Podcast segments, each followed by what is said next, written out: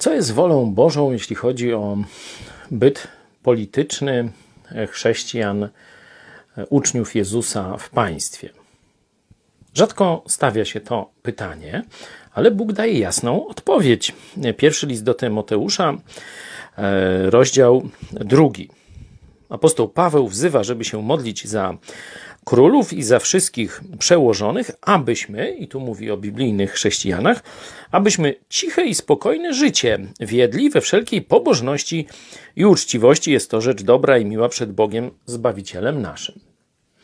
Czyli Bóg zamierzył dla chrześcijan takie państwo, takie władze, która nie będzie ich się czepiała, która pozwoli im spokojnie żyć i która będzie ich chronić, bo przypominam, że podstawowym zadaniem władzy państwowej jest dać innym obywatelom ochronę. No stąd jest właśnie policja i wojsko.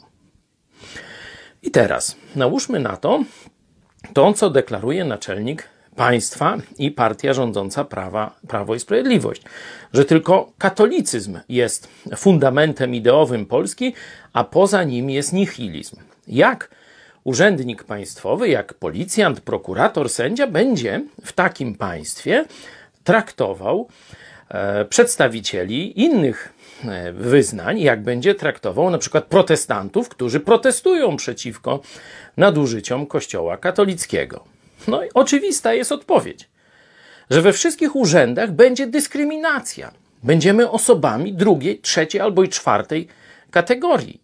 Widać to w wyrokach sądowych. Bardzo często, jeśli e, chrześcijanin e, się prawuje o dzieci, od razu sędzia da stronie katolickiej dzieci, bo to sekta.